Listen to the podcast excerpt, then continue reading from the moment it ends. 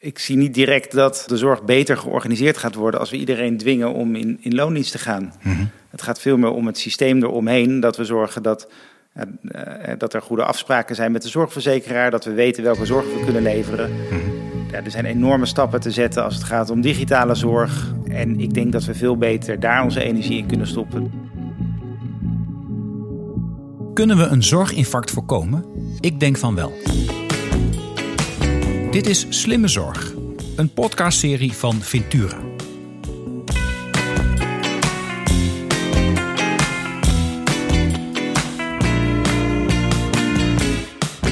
Mijn gast van vandaag is Rolf Bremmer. Rolf is principal bij Logix. En Logix werd in 2008 opgericht met het doel om in nauwe samenwerking met medisch specialisten data te vertalen naar betere zorg. Inmiddels werkt Logix voor meer dan 90% van de Nederlandse ziekenhuizen en internationaal voor meer dan 600 zorgaanbieders in 10 landen. Rolf geeft leiding aan het team dat het capaciteitsmodel en de benchmark-analyses voor medisch specialisten maakt. Met dit model kan de capaciteit van medisch specialisten worden gepland. Dit wordt ook gebruikt voor verdeling van de honoraria.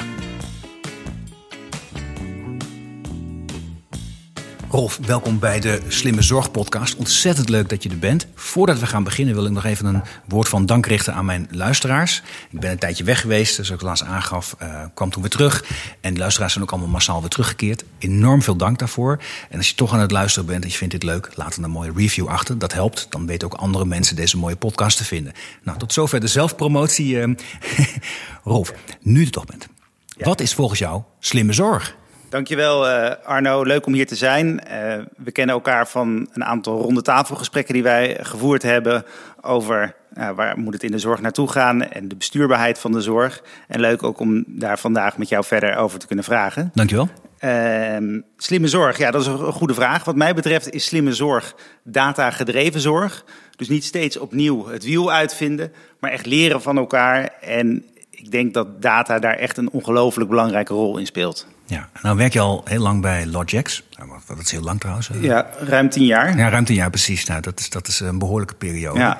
Een bedrijf dat, dat op allerhande manieren bezig is met het ja, ontsluiten van die data in de zorg en daar slimme dingen mee te doen. Klopt. Kun je ja. eens meer over vertellen? Ja, dus we werken eigenlijk in opdracht van voornamelijk ziekenhuizen. Verwerken wij data, analyseren we dat en maken we daar ja, betrouwbare inzichten voor, zodat ziekenhuizen eigenlijk de beste beslissingen kunnen nemen als het gaat om de organisatie van de zorg, uh, maar ook om dokters te helpen in de behandeling met de patiënten, om samen met die patiënt uh, de beste behandeling te kunnen geven. En om met het laatste te beginnen, uh, we zien dat er steeds meer uh, patiënten en dokters samen een beslissing nemen bij een behandeling. In het ja, verleden moet ook echt zoals in de wet dat het moet. Ja, ja, in het verleden was het de dokter die dat uh, veel zelf bepaalde. En gelukkig zijn die tijden veranderd.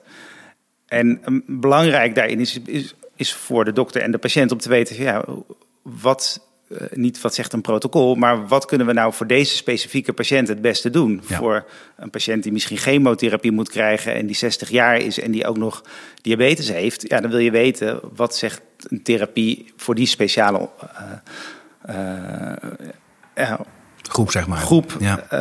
en hoe, hoe, wat zijn de kansen dat het aanslaat? Ja. Nou, daar kan data heel erg bij helpen om uh, in dat geval een dokter en een patiënt bij te helpen. In dat geval heb je het echt over kwaliteit van zorg. Mm -hmm. Dat is een onderdeel uh, van de inzichten die we geven. Daar ben ik zelf niet bij betrokken. Ik ben zelf veel meer betrokken bij uh, de organisatie van de zorg. Vooral als het gaat om inzicht geven in capaciteit medisch specialisten. Mm -hmm. Uh, en wat is de omvang uh, van medisch specialisten die nodig zijn om een, om een bepaalde zorg te leveren? Oké, okay. nou laten we de elementen eens langslopen. De, de eerste, het gaat over kwaliteit van zorg samen beslissen. En je zei van je probeert dan op basis van data patiënt en arts te helpen om de juiste beslissing te nemen. En dan is het data waarmee je probeert um, um, ja, een vergelijkbare patiënt te vinden die in het verleden ja, ook behandeld is? exact. Ja, dat heet dan Patients Like Me. Oké, okay, het is echt een vergelijkbare patiënt. Het is echt een vergelijkbare patiënt waarbij ja. een landelijk gemiddelde eigenlijk wordt geprojecteerd op de patiënt die, uh, ja, die, die dan behandeld wordt. Mm -hmm. Niet om te zeggen je moet zus of zo doen, maar wel om, om ja, de wijsheid van de grote groep te gebruiken om samen met de patiënt tot de beste behandeloptie te komen. Ja, dat is interessant. En ik, dat, dat is dus ook een systeem dat eigenlijk steeds beter wordt, steeds slimmer wordt naarmate je het meer vult. Zeker, ja. Want met iedere nieuwe patiënt komt er een nieuw inzicht dat kan helpen een volgende behandelbeslissing te exact, verbeteren. ja. Interessant. Hoe lang doe je dat nu al? Nou, het is eigenlijk een, een onderdeel uh, wat we doen in samenwerking ook met de kwaliteitsregistraties. Uh, we ondersteunen uh, vanuit Logex MRDM, dat is eigenlijk de dataverwerkingspartij van kwaliteitsregistraties. En zij ondersteunen onder andere een grote partij als DICA, die de oncologische registraties doet. En dit is daar een onderdeel van, waarbij we de kwaliteitsregistraties proberen te verwerken tot deze inzichten voor, uh, voor dokter en patiënt. Dat is wel super interessant, want die kwaliteitsregistraties, die, ja, die, daar, daar is ook heel veel kritiek op. En zegt, nou, het zijn te veel protocollen en dat klopt niet. En de, de realiteit is anders dan de richtlijn. En dat moet je altijd aftasten. En ik hoor jou zeggen, ja, dat klopt ook. Maar dat kun je nog steeds beredeneerd doen. Exact, nou ja, dat, daar snij je een goed punt aan. De, om goed te weten wat gebeurt er nou met welke patiënt en wat heeft een positief effect en wat heeft geen positief, positief effect, moet je gewoon heel veel zaken registreren. Nou, gelukkig gaat steeds meer van die zaken kunnen automatisch geregistreerd worden in het elektronisch patiëntendossier. En uh, ja, we merken ook dat dokters dat eigenlijk ook alleen gaan goed gaan bijhouden en goed gaan controleren of alles wat erin staat klopt, als ze het zelf ook weer kunnen gaan gebruiken. Ja, logisch. Ja. En dan is de cirkel rond en ja, dan heeft de patiënt er ook echt wat aan. Ja, en dan krijg je eigenlijk dus een een dynamische kwaliteitsregistratie, anders dan de richtlijn die je nu hebt. Exact, ja. super interessant.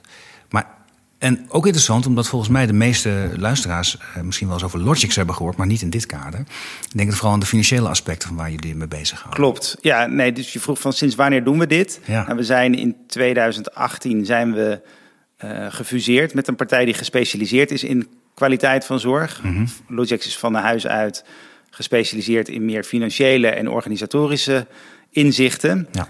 En die fusie zijn we destijds echt aangegaan met de gedachte: ja, we willen beide kanten, beide aspecten van de zorg gaan samenbrengen. Mhm. Dat je zowel inzicht hebt in de kwaliteit van zorg als in de kosten van zorg. Mhm. Ook vanuit het value-based healthcare gedachte. Dat je, als je echt waarde wil toevoegen voor de patiënt, ja, moet je beide kanten van het aspect eh, goed kunnen belichten. En ja, dat zijn we sindsdien gaan doen als je dan verder in de historie gaat, naar de, de, het begin van Logix, dan kom je wel in die, in die financiële wereld. Klopt, ja. Dus... En die heb jij nog meegemaakt zo ongeveer, denk ik. Ja, dus ik, eh, ruim tien jaar nu. Ik ben niet een van de oprichters, maar... Maar wel vanaf het begin bijna Wel vanaf, ja, vanaf uh, ja, net na het begin bijgekomen. Vertel eens over die tijd en over de ontwikkeling die er is geweest. Ja, dat, eh, ja, we waren denk ik met z'n vijf of, of met z'n zessen echt een klein clubje. Uh, en er was een tijd dat er heel veel behoefte was aan inzichten, vooral vanuit medisch specialisten en dokters. Van, nou, hoe staat onze praktijk ervoor? Met hoeveel uh, artsen werken we? Waarin kunnen we verbeteren? En het was ook een tijd dat data-inzicht. Uh, het stond echt nog helemaal aan het begin. En om je een beeld te geven, als wij een rapport wilden opstellen voor een ziekenhuis of voor een vakgroep ja, dan moest die data worden aangeleverd, die moest worden gevalideerd, die moest worden verwerkt, omgezet tot spiegelinformatie. Elk van die stappen die ik net benoemde, dat kostte soms een maand of twee maanden tijd om dat echt voor elkaar te krijgen. Ja. Dus dan heb je het over die hele keten van aanlevering tot verwerking. Ja, daar ging een half jaar overheen. Dus dan hadden we eind van de zomer konden we inzicht geven over wat er het jaar daarvoor was gebeurd. Ja. En als je daar nu aan terugdenkt, denk je van dat was echt een lang proces en dan heb je één keer in het jaar inzicht. Maar dat was toen echt ja, revolutionair om op die manier inzicht te geven in, een, in de praktijk van een vakgroep. En om dat ook te spiegelen aan het landelijk gemiddelde. Interessant. Ja, het is helemaal niet zo lang geleden. Tien jaar is natuurlijk eigenlijk helemaal niks. 2012, dat voelt voor mij nog als gisteren bijna. Ja, eh, ja 2011, ja, we hebben het over ongeveer. Twee keer knipperen met je ogen en je bent tien jaar verder. Ja, en toen duurde het gewoon nog een jaar om, tot juiste om, om een overzicht te kunnen geven van dit, dit, dit heb je gedaan, dit was het resultaat uh, daarvan financieel. Klopt, ja. Mhm. En, en heb je, met deze mensen heb je dat dan gedaan. Ja, Die en, en eigenlijk wat, waar we vanuit Logic sterk in zijn, is om op een overzichtelijke manier inzicht te geven voor die vakgroepen. Eh, en om dat te spiegelen aan een landelijke benchmark, landelijk gemiddelde. Mhm. Om zo ook het aantal normatieve uh, medisch specialisten weer te geven. Mm En uh, dat, daar was in die tijd heel erg behoefte aan. Van, met hoeveel dokters zijn we en met hoeveel dokters hebben we eigenlijk die hele zorg geleverd.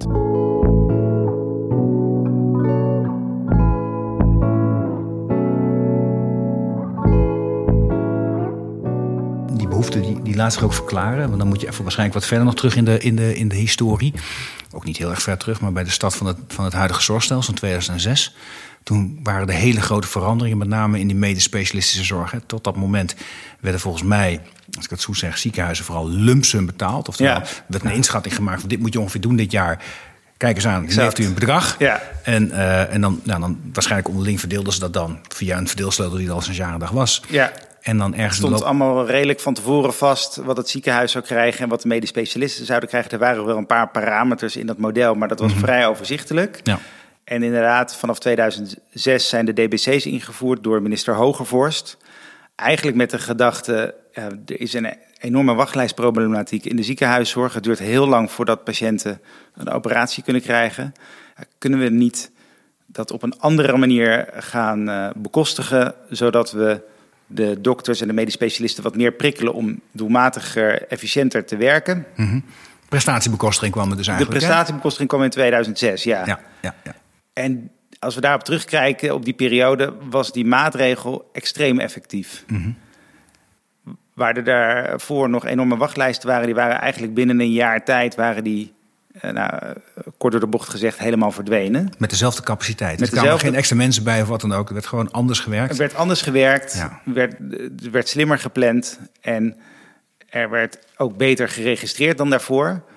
Maar wat er wel was gebeurd, is dat ja, het honorarium voor de medisch specialisten was geënt en geëikt op een ja, productieniveau van een aantal jaar daarvoor. Die bleken dus slimmer te kunnen werken en ook ja, beter te kunnen, vollediger te kunnen registreren. Ja, en die zagen dus dat er een enorme ontwikkeling of een enorme explosie plaatsvond van het honorarium van die medisch specialist. Ja, nou zullen de medisch specialisten die het betrof dat waarschijnlijk geen probleem hebben Die gevonden. zullen er met plezier aan terugdenken. Ja, zeker. Ja, ja. Maar inderdaad, ik kan me herinneren, het was. eh, ehm, op een bepaald moment ook mijn intrede in de politiek om 2012. En dat werd dat een steeds groter, als steeds groter probleem gezien. Niet alleen dat die honoraria wel erg hoog waren geworden. Er was ook steeds grotere eh, zorg over overproductie. Hè. Dus dat product produceren hartstikke goed op Ja. Maar op een bepaald moment moet je niet gaan produceren om produceren. Ja, En- dat is, dat is, dan moeten we wat scherper worden. Want daar zijn, dat kan je zeggen, maar daar is nooit echt bewijs voor. Het is meer dat je beter bent gaan registreren en dat je bent gaan doen wat je kan doen. Dus het was ook, er was loon naar werken. En dit is zoals de regels op dat moment waren. Dus ja, je, Ja, het is geen fraude, zeg maar. nee, zeker, niet. Nee, zeker niet. Nee, het zeker is niet. gewoon, ja, zo, zo, zo werkt het op dat moment. Ja, nee, dat klopt. Maar die, die overproductie komen we zo nog op terug. Want dat is wel een angst die tot op de dag van vandaag leeft, ook in de politiek. Hè? Ja. Dat er nou niet te veel behandeld om maar productie te kunnen draaien. Zeker, ja, dus- daar kunnen we het zo eens over Ja. hebben. Want er was ook nog een ander bijeffect, dat vond ik zelf wel wel interessant, is dat...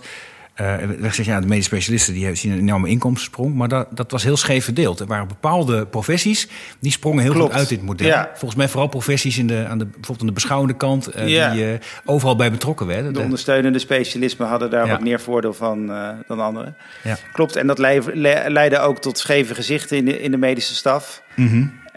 En ja, er was eigenlijk ja, veel meer behoefte aan een gelijk speelveld onderling. Dat was er voor 2006. En eigenlijk door die regelgeving vanaf 2006 werd dat, ja, kwam er een vergrootglas op te liggen en werden die verschillen juist uitvergroot. En toen kwamen jullie.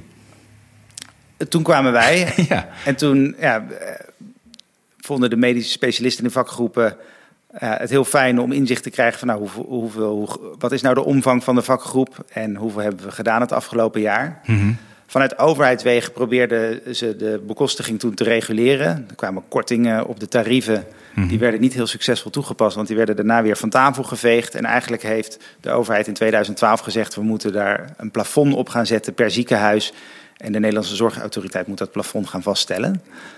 En dat eh, was eigenlijk een beheersmaatregel die in 2012 is ingevoerd. En vanaf dat moment was er een vast plafond wat tussen de vakgroepen moest worden verdeeld. Dat moest eerst worden verdiend en vervolgens worden verdeeld. En de benchmark-analyses die we daarvoor al opstelden, maar meer informatief waren, die werden toen gebruikt als verdeelsleutel tussen de verschillende vakgroepen. Ja, en is dat wat in de, volks, in de, in de, in de zorg het Logix-model is gaan heten? Klopt. Dat ja. model? Ja, onder, onder dokters heet dat het Logix-model. Mhm. En eh, daar is in 2015 nog een wijziging eh, opgekomen toen de integrale tarieven werden ingevoerd. Eh, Daarvoor had je nog geoormerkte honorariumtarieven. Eh, die verdwenen in 2015. eh, en toen werden ook de MSB's opgericht. Eh, dus moest je echt gaan verenigen in een medisch specialistisch bedrijf. Ja. En ja, er was nog steeds enorme behoefte aan van nou, hoe kunnen we nou het honorarium verdelen tussen de vakgroepen die lid zijn van zo'n MSB. Ja, en daar werd weer hetzelfde model voor gebruikt. Klopt, ja, dat hadden we toen wat aangepast, maar op hoofdlijnen was dat hetzelfde model. Ja. En dat werkte eigenlijk nog steeds best goed. Er zat alleen één probleem in dat model. een model is nooit de volledige werkelijkheid. Het is altijd een versimpeling van de werkelijkheid. Ja. En wat we steeds meer zagen is dat er signalen waren dat vakgroepen zich begonnen te gedragen naar de werkelijkheid van het model. Ja, inderdaad. Dat is ook de kritiek die vaak van buiten komt. Dat er verkeerde prikkels werden gegeven uh, doordat het model er was. En die ja. model de schuld.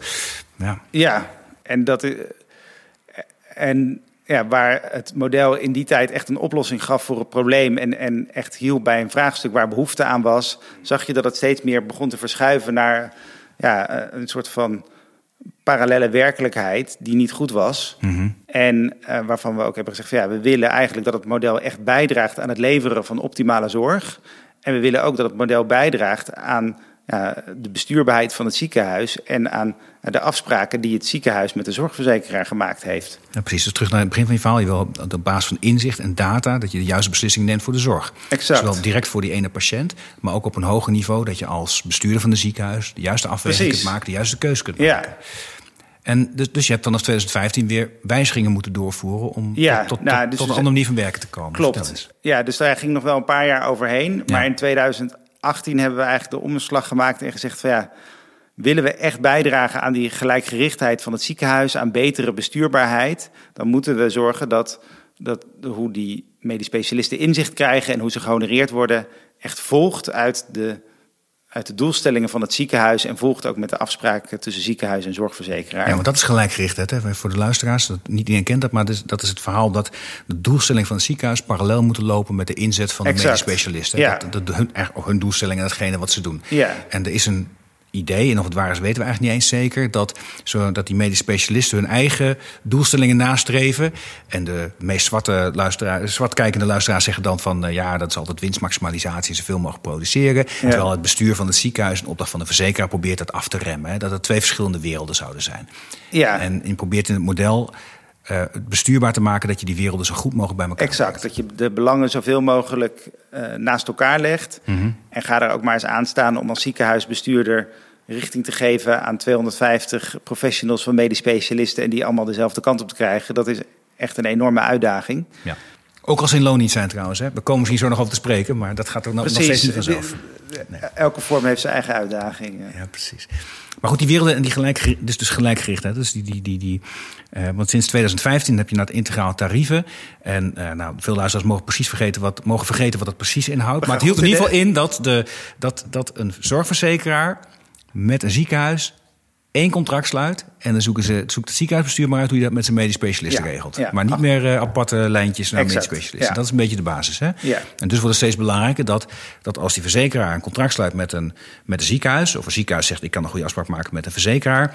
dat je ook zeker weet dat je dat in de praktijk ook waar kunt maken. Dat er dan niet andere dingen gaan gebeuren. Precies. Mhm. En eigenlijk de belangrijkste wijziging die wij in het model hebben doorgevoerd. is dat we niet meer zeggen we gaan achteraf kijken wat heeft een vakgroep gedaan en hoe verhoudt zich dat tot het landelijk gemiddelde? Nee, we mhm. gaan vooraf kijken. Wat wil het ziekenhuis gaan leveren aan zorg volgend jaar? Welke zorg zien we op ons afkomen? Mhm. Hoe verhoudt zich dat tot de afspraken met de zorgverzekeraar? En kunnen we dat vooraf doorvertalen naar de capaciteit medisch specialisten? En vooraf dus ook de vakgroep zekerheid geven over, nou dan is daar zoveel normatieve zorg voor nodig. En kan, je, kan een MSB dat op die manier doorvertalen naar de verdeling van het honorarium. Dat is best, eh, best revolutionair dat je dat vooraf al doet, dat je die hele inschatting maakt. Klopt. En lukt het dan ook? Want dat kan ook al leiden tot verschuivingen, toch? In, uh, nou, in wat er nodig is en wat je. Het helpt heel erg bij het voeren van het, van het eerlijke gesprek in het ziekenhuis. Mhm. En kijk, eh, soms gebeurt het dat een, een, zorgverzekeraar van mening is van nou, we, willen meer uh, op krimp sturen bij bepaalde ziekenhuizen. Ja. Ja, 1 of 2 procent krimp uh, wordt dan afgesproken. Ja, dat klinkt misschien niet heel veel, maar als daaronder ook nog een groeiende zorgvraag ligt en mensen worden steeds ouder, willen steeds meer, ja, dat betekent ook dat je echt hele specifieke keuzes moet maken van ja, waar vinden we nou dat we minder zorg moeten gaan leveren. Ja. En zo'n plan vooraf dwingt eigenlijk tot het voeren van het eerlijke gesprek tussen ziekenhuisbestuur en dokters van waar, waar kunnen we nou wat minder doen en waar willen we toch nog op inzetten de komende tijd.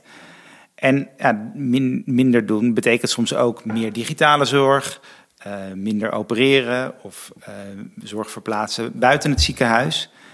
En dit model helpt heel erg om dat scherp te krijgen, die discussie, en ook dat door te vertalen naar het MSB en naar de vakgroepen.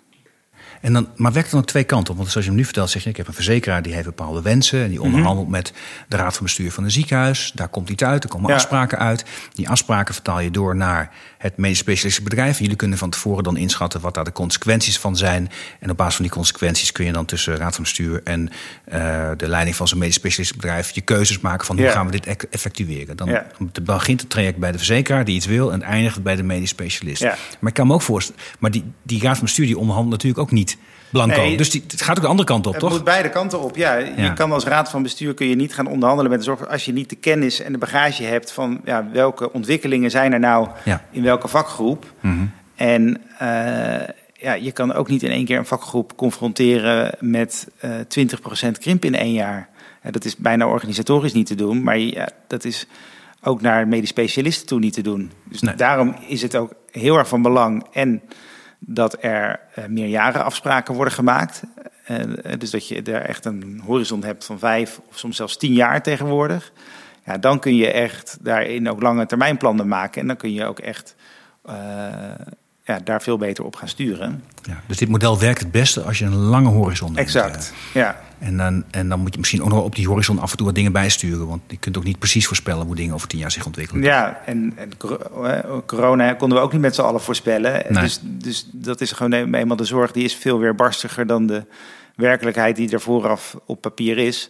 Maar door het op deze manier te doen, betekent niet dat we het in drie cijfers achter de komma allemaal kunnen voorspellen. Maar wel dat het eerlijke gesprek goed gevoerd wordt. En dat we zo goed en zo kwaad met de kennis die we hebben, daarop kunnen sturen om ja, de, de zorgvraag of het zorginfarct waar jij zo bang voor bent uh, ja, te voorkomen. Nog steeds. Nou ja, dat zorginfarct, dat, dat weet nog steeds niet of we dat kunnen voorkomen. Maar in ieder geval zo goed mogelijk opvangen. Laten we daar ja. over hebben inderdaad. Want dat, kan dus van, dat gaat dus inderdaad van twee kanten. Dus het kan ook zijn dat je met op basis van de gegevens die je uit zo'n medisch specialistisch bedrijf hebt... En volgens mij ook, kan ook zijn dat dat gaat om uh, specialisten die gewoon in loondienst zijn. Die zitten, neem ik aan, ook in het model. Zit, of niet? Ja, eh? dus dat, het is allemaal zorg. Het is allemaal zorg en het maakt niet uit of een, een vakgroep of een medisch specialist een vrije vestiging is of in dienstverband. Mhm. Die, ja, op dezelfde manier is het relevant om vooraf te weten welke uh, zorg willen we gaan leveren en hoeveel medisch specialisten zijn daarvoor nodig. Ja, precies. En dat is dan informatie die kun je aanreiken aan de Raad van Bestuur. En op basis van dat gesprek de onderhandelingen. Ja, hebben mensen altijd heel wilde ideeën van. Maar goed, er wordt onderhandeld over per jaar, of soms ook over meer jaren. Er wordt een afspraak gemaakt. Waar gaan we naartoe? Wat voor ontwikkelingen zien we met elkaar? Daar komt iets uit en dat vertaal je dan volgens ook weer terug. En dan worden de keuzes gemaakt in de medische staf. Hoe gaan we dat, of moeten we dat misschien wel Klopt. En je ziet wel dat, dat door de, de technologie die er is om daar goed overzicht over te houden en ook ja, de kennis van alle vakgroepen daarbij te betrekken, is het veel meer mogelijk om het op deze manier aan te pakken. Mhm. En je ziet wel dat er in het land verschillend mee wordt omgegaan. Eh, eh, dat er bijvoorbeeld uh, sommige ziekenhuizen gaan echt heel erg in detail, willen ze alle informatie verwerken en die zeggen van nou we hebben daar een project lopen op een afdeling, daar willen we het aantal lichtdagen van vijf naar drie terugbrengen. Dan komen er zoveel bedden vrij, dat kunnen we weer op die afdeling uh, inzetten. Mhm. Dat soort regels kun je allemaal verwerken in die plannen. En dat maakt het echt, uh, echt heel gelaagd en echt heel mooi. Mhm. En er zijn ook ziekenhuizen, ja, die zijn daar uh, wat minder ver in en die hebben andere prioriteiten gesteld. En die werken meer vanuit een beleidsarme begroting. Die zeggen van nou ja, we willen ongeveer op hetzelfde niveau als 2019 uitkomen. Mm En plusje meer of een plusje minder. Uh, dat kan ook. En het is dan aan het ziekenhuis zelf samen met de medische staf om daar invulling aan te geven. Ja, maar hoe je het ook bent of verkeerd, heb je dus een, van een model dat ruim tien jaar geleden na ongeveer een jaar in kaart kon brengen. Wat heb je zo al gedaan? En wie heeft dat gedaan? Exact. En tegen welke prijs? Dus wat heb je dat opgeleverd? En hoe heb je dat onder, hoe, zou, hoe is dat de verhouding onderling? Wie, uh, dus ook qua inzet en qua geld. Ja. Dus een heel erg reflectief terugkijkend systeem met een hele lange horizon, dus horizon. Heb je nu een dynamisch model waarin je continu de informatie voedt en op basis daarvan kijkt van hé, hey, dit hebben we afgesproken, dit is de uitdaging die we hebben. Dus zit op de juiste koers, moeten we bijsturen. Exact. Ja, ik denk dat je het heel mooi samenvat en dat mhm. we op die manier proberen bij te dragen echt aan ja, betere bestuurbaarheid van het ziekenhuis. En uh, ja, daarmee ook betere zorg voor de patiënt uh, te kunnen leveren.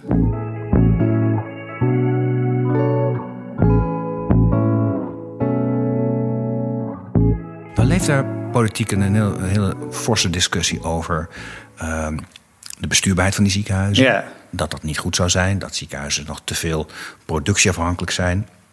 Met name ingegeven dan is het idee door medisch specialisten niet in loondienst. Dat die veel meer zouden produceren, zouden overproduceren en te veel, te veel zouden produceren. Over, ehm, om, maar aan, om maar omzet te genereren, om maar inkomen te hebben.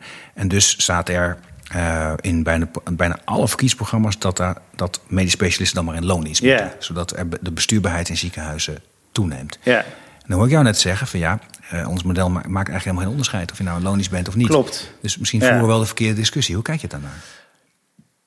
Ja dat is een, een discussie die eh, eigenlijk al heel lang speelt. Eh, welk model is dan het beste? Is het loondienst of vrije vestiging? Maar misschien is het goed om, om daar eh, wat dieper in, op in te gaan en daar vooraf even twee opmerkingen vooraf te maken.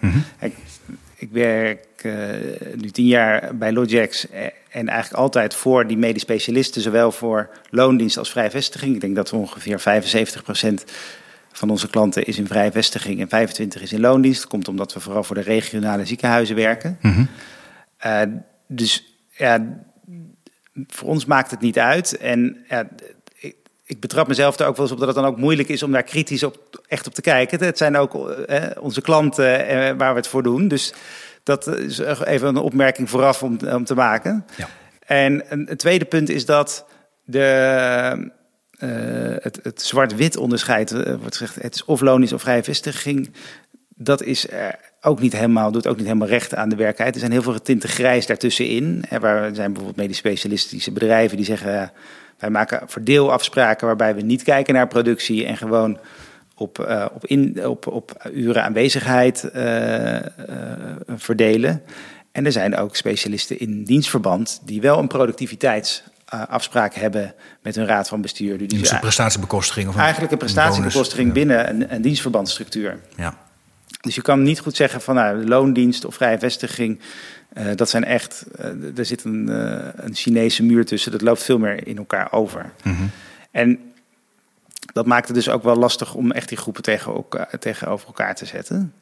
Ik denk wel dat er, dat er drie, drie, drie dimensies zijn aan die discussie. En eh, eh, een, een meer eh, ziekenhuisrealiteit. Hè? Dus wat, is nou, wat geeft nou de beste bestuurbaarheid? Tweede is meer de politieke dimensie. En de derde is de juridische eh, kant.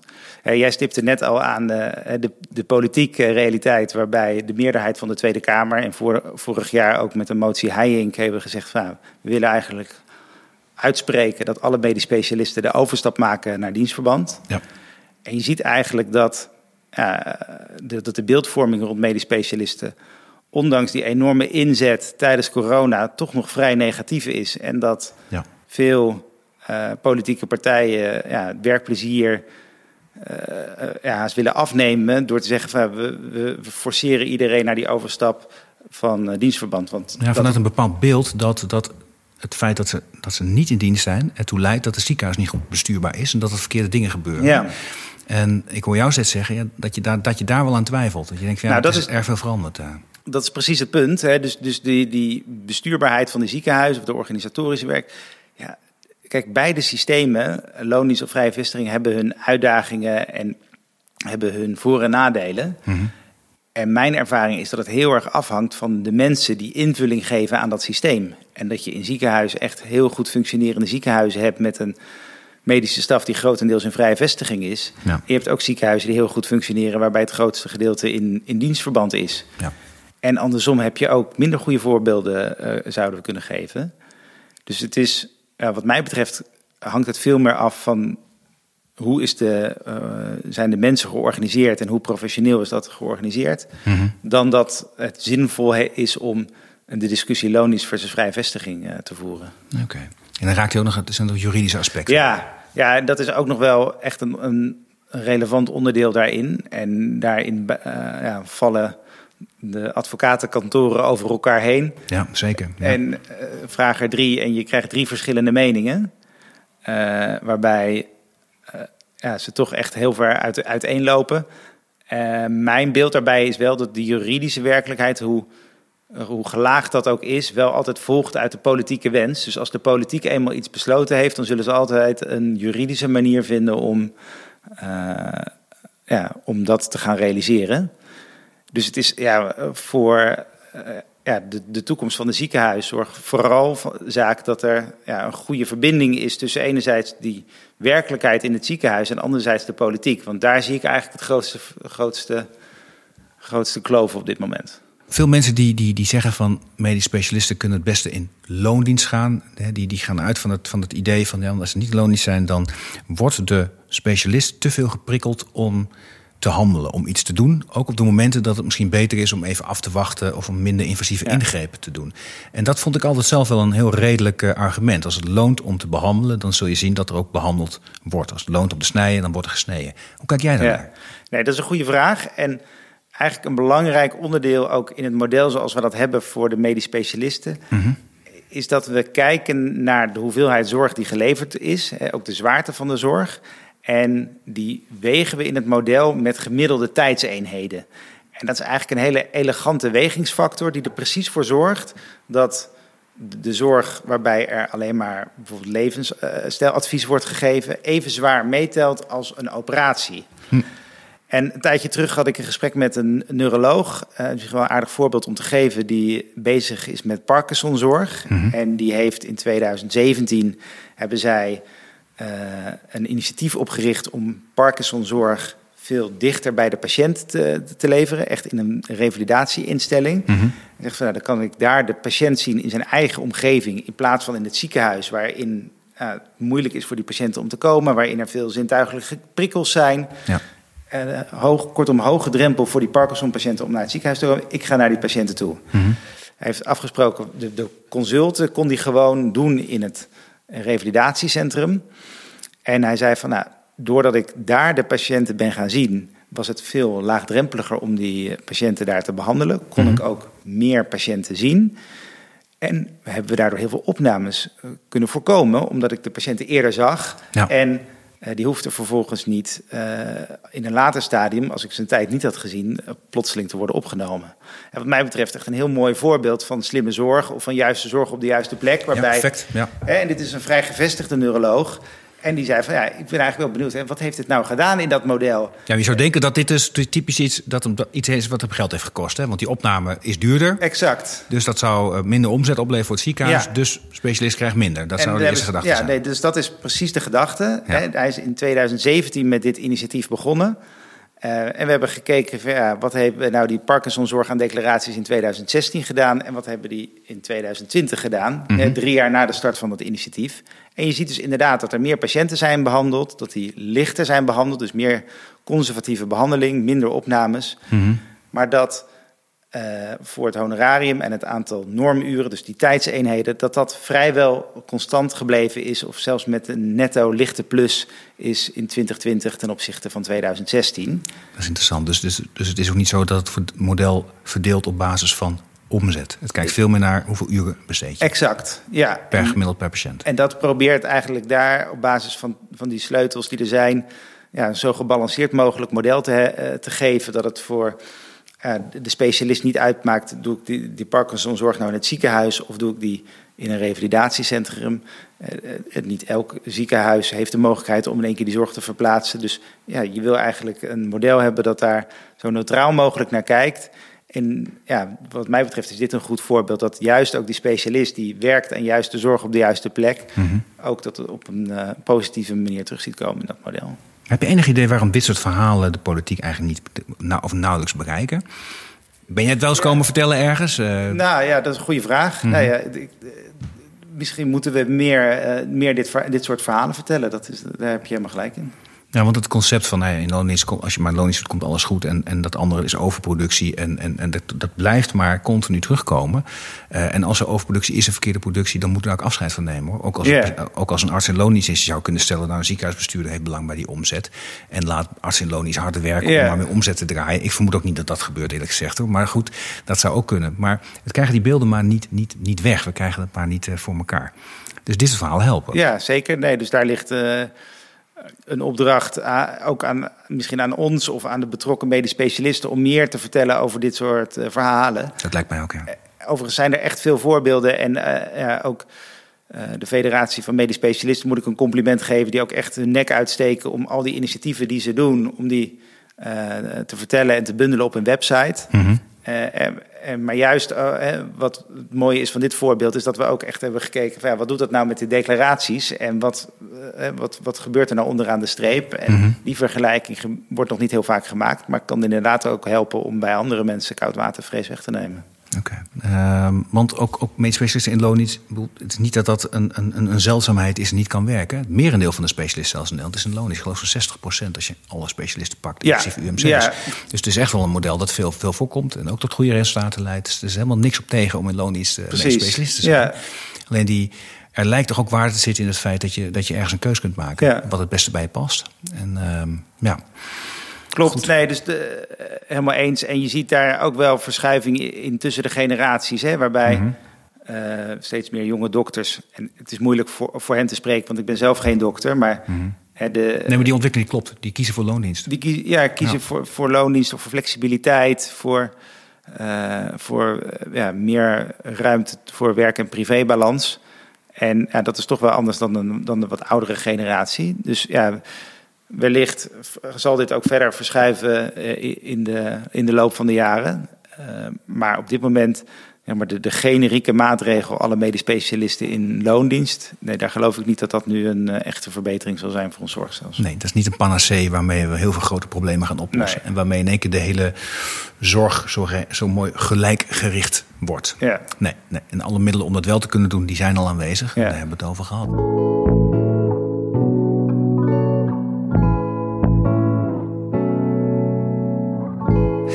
Hoor jou heel betrokken praten, praten over zorg en over, over hoe je daar al tien jaar in die wereld zit en, en, en al ontwikkelingen hebt gezien. Als we een beetje naar de toekomst kijken, er wordt nu onderhandeld over een, eh, ja, over integraliteit gesproken, over een integraal zorgakkoord. En misschien tegen de tijd dat deze podcast wordt gepubliceerd, eh, kan ik daar Nieuwe buzzword in de misschien, zorg, Misschien is het ja. er dan net al wel. Dat zou ook nog Ja. kunnen hoor. Maar ehm, ehm, en ik heb heel veel moeite om daar grip op te krijgen. Wat dat dan precies is, wat daar dan gebeurt. Ja. Ehm, hoe kijk jij daarnaar? Wat zijn daar, en, en, en ben je daar, is bijvoorbeeld Bedrijfs Logics daar überhaupt bij betrokken bij dat soort. eh, Nou, nee, we zijn. Eh, om ko- korte reactie te geven, nee, we zijn daar niet bij betrokken. Eh, we, we ondersteunen ziekenhuizen, medisch specialisten bij inzichten, maar niet op dat beleidsniveau ehm, eh, eh, aan landelijke tafels. nee, maar je vindt er wel wat van, denk ik. Nou, ik, ik vind er wel wat van. Kijk, in het algemeen kun je zeggen dat in de jaren hiervoor had je een hoofdlijnenakkoord. Mhm. Hè, waarbij ook de meeste partijen, zorgpartijen om tafel werden gezet. Dat was per sector was dat dan. Hè? Dan had je ziekenhuiszorg en Klopt, artsenzorg ja. en uh, Ja, en, maar goed, het, het, het hoofdlijnakkoord voor de medisch specialistische zorg, wat destijds ingezet, Mhm. had echt de ambitie, ja, we willen zorg uit het ziekenhuis verplaatsen en we willen de, de, de groei die op ons afkomt, willen we afbuigen. Ja. Eh, nou, dat ging piepend en krakend eh, de laatste jaren. En Mhm. door corona is dat helemaal eh, ja, verder weg komen te staan. Ja.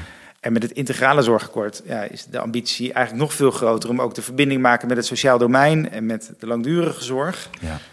Ja, en hoe meer partijen je aan tafel gaat zetten, hoe meer belangen er zijn en hoe meer agenda's er zijn. Dus ja, ik hou eigenlijk wel mijn hart vast dat daar wel echt, dat daar echt concreet iets uit gaat komen. Wat echt gaat bijdragen aan, aan, aan, de, aan, aan de vraagstukken die op dit moment uh, voorliggen. Ja. ja, macro kun je ze misschien wel helemaal uittekenen. Dat je zegt, nou, over deze doelstelling, dit is de uitdaging. Dus we kunnen maximaal zoveel groeien, of misschien wel helemaal geen groei in de meest specialistische ja. zorg. En dan zoveel naar de eerste lijn, naar de wijkverpleging. En de verpleeghuizen doen zoveel. Het sociaal domein wordt belangrijker. En daar kun je misschien wel getallen op plakken en ook ja. de tijd uitzetten. Misschien een paar activiteiten, maar als je het, hoe concreter je wordt, hoe, hoe, hoe, moeilijker het wordt om dat centraal te regelen. Ja, en ook hoe, hoe, pijnlijker de keuzes soms worden. Ja. Eh, als we zeggen, Hoewel daar niet aantal komen valt in die pijnlijke keuzes, maar goed, uh, ja. Ja, maar als je het hebt bijvoorbeeld uh, over... We, we, vinden, we willen bepaalde kwaliteit op SCH's hebben... en we zien een enorm personeelstekort in ziekenhuizen. Ja. Want vergis je niet, het is vooral die personeelstekorten... die echt uh, de druk op, het, uh, op de hele organisatie vergroten. Ja. Ja, ga op al die SCH's met al die uh, on, onregelmatigheidsdiensten die er zijn, ja, dat, is, dat is niet meer te doen. Nee. Dus dan moeten er keuzes gemaakt worden. Welke kunnen open blijven, welke gaan dicht. Soms zijn die keuzes in de stad, waarbij er nu twee SCH's op 10 minuten rijden van elkaar zijn. En soms zijn die keuzes ver in de provincie, waarbij een ziekenhuis vaak de grootste werkgever is in de omgeving. Ja. En mensen heel bang zijn dat als een spoedeisende hulp sluit, dat ze dan ja, uh, uh, onderweg in de ambulance overlijden. Hè? Dat soort verhalen. Ja. De ronde. ja. Ja, of, of dat ze verder moeten gaan reizen ja. en dat, dat, dat hun baan uh, daar op de, op de tocht staat. Ja. Of bijvoorbeeld als je kijkt naar de concentratie van, van kinderhartchirurgie, waar ook heel gepassioneerd over gesproken werd. En wat ook maar een heel klein gedeelte van de zorgen is, maar wat enorme emoties losmaakt in, uh, in, in Groningen, mm -hmm. waar het, uh, het, het, betreft. Mm -hmm. Dus je ziet dat de, de uitdagingen waar we voor staan, hoe houden we alles bereikbaar, hoe houden we alles uh, organiseerbaar met de personeelstekort, hoe houden we kwaliteit, dat vraagt ook direct om moeilijke keuzes. Ja, en of dan een integraal zorgakkoord dan het antwoord zal zijn op die moeilijke keuzes die voor ons liggen, dat weet ik niet. Nee, je twijfelt eraan, ja. Ja ik, ik, ik snap wel waarom het geprobeerd wordt. Juist omdat die keuzes zo moeilijk zijn, hoop je het zo integraal mogelijk af te spreken, zodat iedereen aan boord is bij die moeilijke keuze en ook bereid is om uit te leggen dat je die keuze maakt. Aan de andere kant, het raakt ook heel veel van die betrokkenen bij het integraal zorgakkoord. Dus het is maar de vraag of je er überhaupt uitkomt. Of je, ja. Maar wat dan, hè? We hebben wel wat te doen met elkaar. En, ik bedoel, je zegt al, die, die, die personeelstekorten zijn, dat een allergrootste uitdaging. Dat was voor mij de aanleiding ooit om deze podcast te gaan maken. Ik zie personeelstekort op dit moment ook op allerhande plekken verschijnen. We hebben uh, tunnels die uh, niet meer uh, open gaan, dat er geen personeel Ja. is. Treinen die niet meer rijden. We hebben op Schiphol rijden van hier tot Tokio. Vluchten die worden geannuleerd. Daar zijn mensen al heel boos over. Geannuleerde vluchten. Maar ja, als je operatie wordt geannuleerd, doet nog meer pijn. Ja. Dat hebben we in corona trouwens gezien. Nee, dus dat, dat, Ja, zijn ook maar. nu de, het gaat hard hoor. ook de afgelopen maanden, nou, eigenlijk zelfs weken, ook de, het beeld eh, vanuit de ziekenhuizen is, ja, de, de, de coronacijfers lopen weer op, de bezetting in de ziekenhuizen neemt toe, Mhm. Eh, het aantal ziektegevallen door corona neemt toe, dus dat, dat geeft gelijk een hele druk op de organisatie van het ziekenhuis, waardoor er ook weer ja, zorg moet worden uitgesteld of moet worden ver- verschoven. Ja. Dus dat, ja, de, de- de problemen zijn zeker niet opgelost. Nee. nee, en we plaatsen ook niet zomaar uit naar Duitsland. Dat, eh, dat idee dat eh, kwam op, maar... eh, Dat was ook even een proefballon die heel snel werd doorgeprikt. eh. Ja, altijd moeilijk uit te leggen voor mensen. Waarom kan ik, soms, soms kan dat wel. Voor sommige operaties kun je prima naar Duitsland. Dat kan best. Ja, alleen voor echt hoog gespecialiseerde zorg geloof ik dat dat, dat, dat een oplossing is. Want anders zit je ook met het voor- of na-traject, wat toch weer in Nederland is. Ja, precies. Ja. En wat mensen ook vergeten is dat ze zeggen... Ja, maar hoe kan het nou dat ze in Duitsland zoveel medici hebben? Nou, dat heeft onder andere te maken dat de langdurige zorg dan nauwelijks geregeld is. Ja. Dus als je in de curatieve zorg meer mensen hebt... heb je in de langdurige zorg een heel stuk minder. Ja. En die wordt daar gewoon niet betaald. Moet je zelf betalen. Ja. Eh, Dus in Nederland is wel zo dat als het nodig is... dat nog een verpleeghuis voor je is, wijkverpleging... Klopt. allemaal collectief betaald. Dat heb je in Duitsland weer niet. Nee. Het is, ook daar eh, groeien mensen, medische professionals... namelijk niet aan een boom. Nee. Als ze wel in het ziekenhuis zijn, zitten ze elders weer niet. Ja. Dus ja, weet je, het, is, het blijft puzzelen met elkaar. zeker, ja.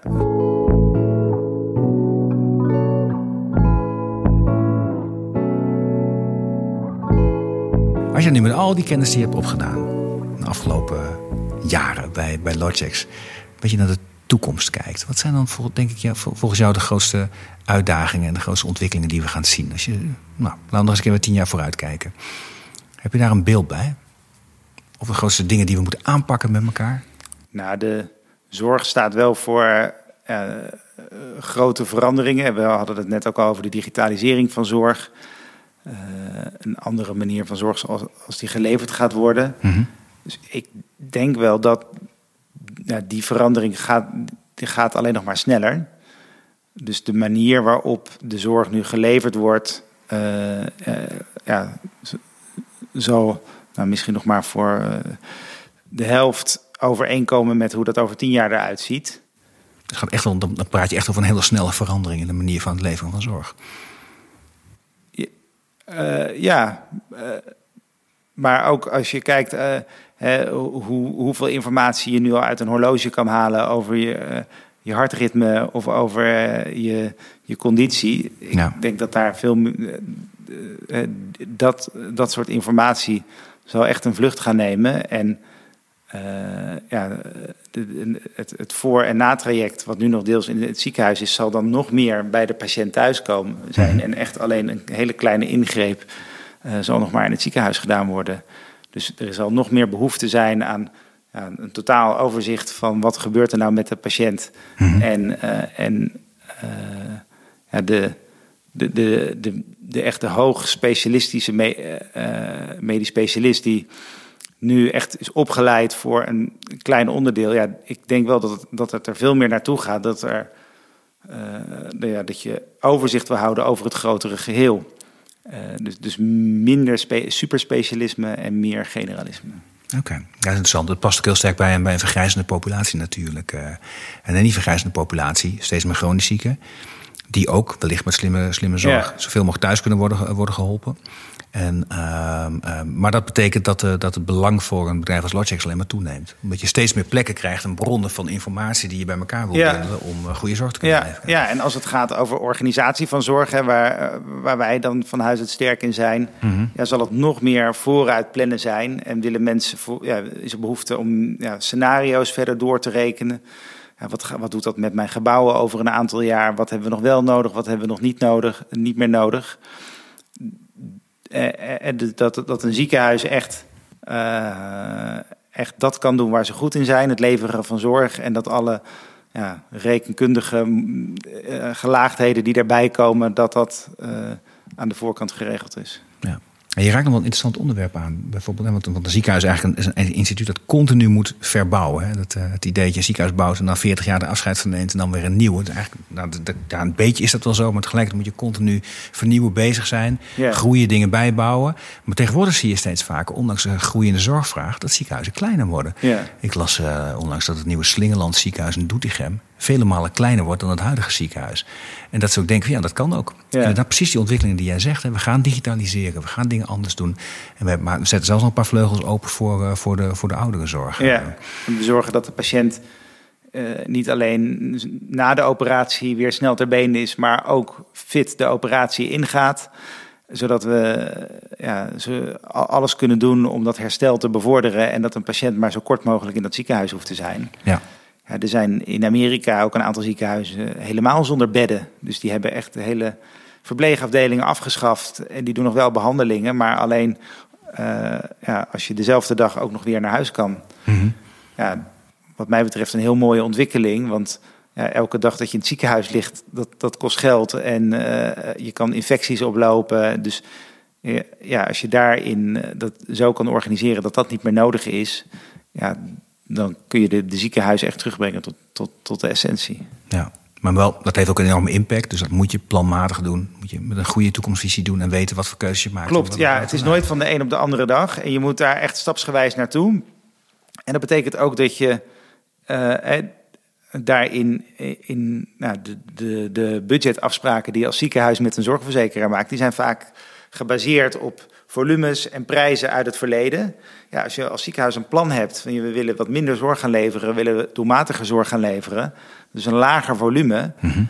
ja, dan zal dat in de eerste paar jaar zal dat grotendeels nog met dezelfde vaste lasten zijn. Dus dat betekent ook dat je prijzen wat omhoog zullen moeten gaan mm -hmm. en dat je daarna ook gekoppeld aan die doelmatigere zorg ook moet kijken van hoe kan ik nou mijn beddencapaciteit afbouwen. Ja, wat betekent dat nou voor mijn verpleegkundigen? Kan ik die anders gaan inzetten? Pas dan kun je ook je kosten gaan afbouwen en weer aanpassen aan de nieuwe realiteit. En kun je dus ook echt uh, meegroeien naar de nieuwe, nieuwe werkelijkheid. Is dat ook de reden waarom je zegt, je moet echt meerjaren afspraken maken? Want je moet eerst investeren om af te kunnen bouwen. Dat gaat gewoon niet als je per jaar een afspraak maakt. Exact, ja. Je, moet, je hebt echt die lange horizon nodig. En je hebt ook echt die garantie vanuit, het ziek, vanuit de zorgverzekeraar nodig... dat je ja, een veilig budget hebt om zo'n uh, verandering in gang te zetten. Mm -hmm. En vervolgens ja, ook echt... Uh, ja, intern de stappen maken dat je, ja, je je nieuwe kostenniveau past bij de nieuwe structuur die, uh, die, er, die daarbij hoort. Want als je als een ziekenhuis uh, in Doetinchem, Slingerland ziekenhuis waar je het over had, mm -hmm. ja, toe gaat naar minder bedden, ja, dan heeft dat ook impact op je de hoeveelheid zorg die je gaat leveren, hoe, hoeveelheid de soort zorg, hè, de soort zorg, ja. per, soort personeel wat je daarbij nodig he, hebt. Dus ja, daar moet je dus ook meer jaren afspraken en meerjaren begrotingen voor maken. Ja, hoeveel personeel hoort daarbij en welk type zorg hoort daarbij. Mm -hmm. En ja, hoe verder je dat vooruit kan plannen, hoe meer uh, comfort er is om zo'n verandering ook echt in gang te zetten. Nou, als ik dat goed begrijp, dan is er nog uh, heel wat werk aan de winkel voor, uh, voor Logix voor de komende jaren. Zeker, ja. En, uh, en valt er dus als we de echte grote verandering in de zorg willen begeleiden, als nou, we, hè, van verzekeraars tot en met overheid of wat dan ook, dan moet dat data gedreven gebeuren. Ja, ik, ja de, de, moeten klinkt zo, uh, zo dwangmatig. Dat, dat, ik, ik denk wel dat het heel erg helpt. En dat het, ja, er is zoveel, zijn zoveel belangen bij bemoeid. En ja, het gaat ook om stevige budgetten. Dus ja, je wil daar wel de, de, de, juiste, de juiste scenario planning bij hebben en de juiste overzicht. En daarbij is data echt on, onontkoombaar. Goed. Dankjewel. Graag gedaan. Dit was Slimme Zorg, de podcast waarin nagedacht wordt over oplossingen waarmee een zorginfarct voorkomen kan worden. Een podcastserie van Ventura. Abonneer je op deze show via iTunes of Spotify en voel je vrij om een review achter te laten. Vind het zelf enorm leuk om te lezen wat jullie van de podcast vinden. Je mag me ook mailen op podcast.ventura.com. Vond je de podcast leuk? Dan heb ik een opdracht voor je. Vertel over de podcast aan een van je vrienden of collega's. Mijn naam is Arno Rutte. Dit was Slimme Zorg. Je hoort mij over twee weken weer in een nieuwe aflevering.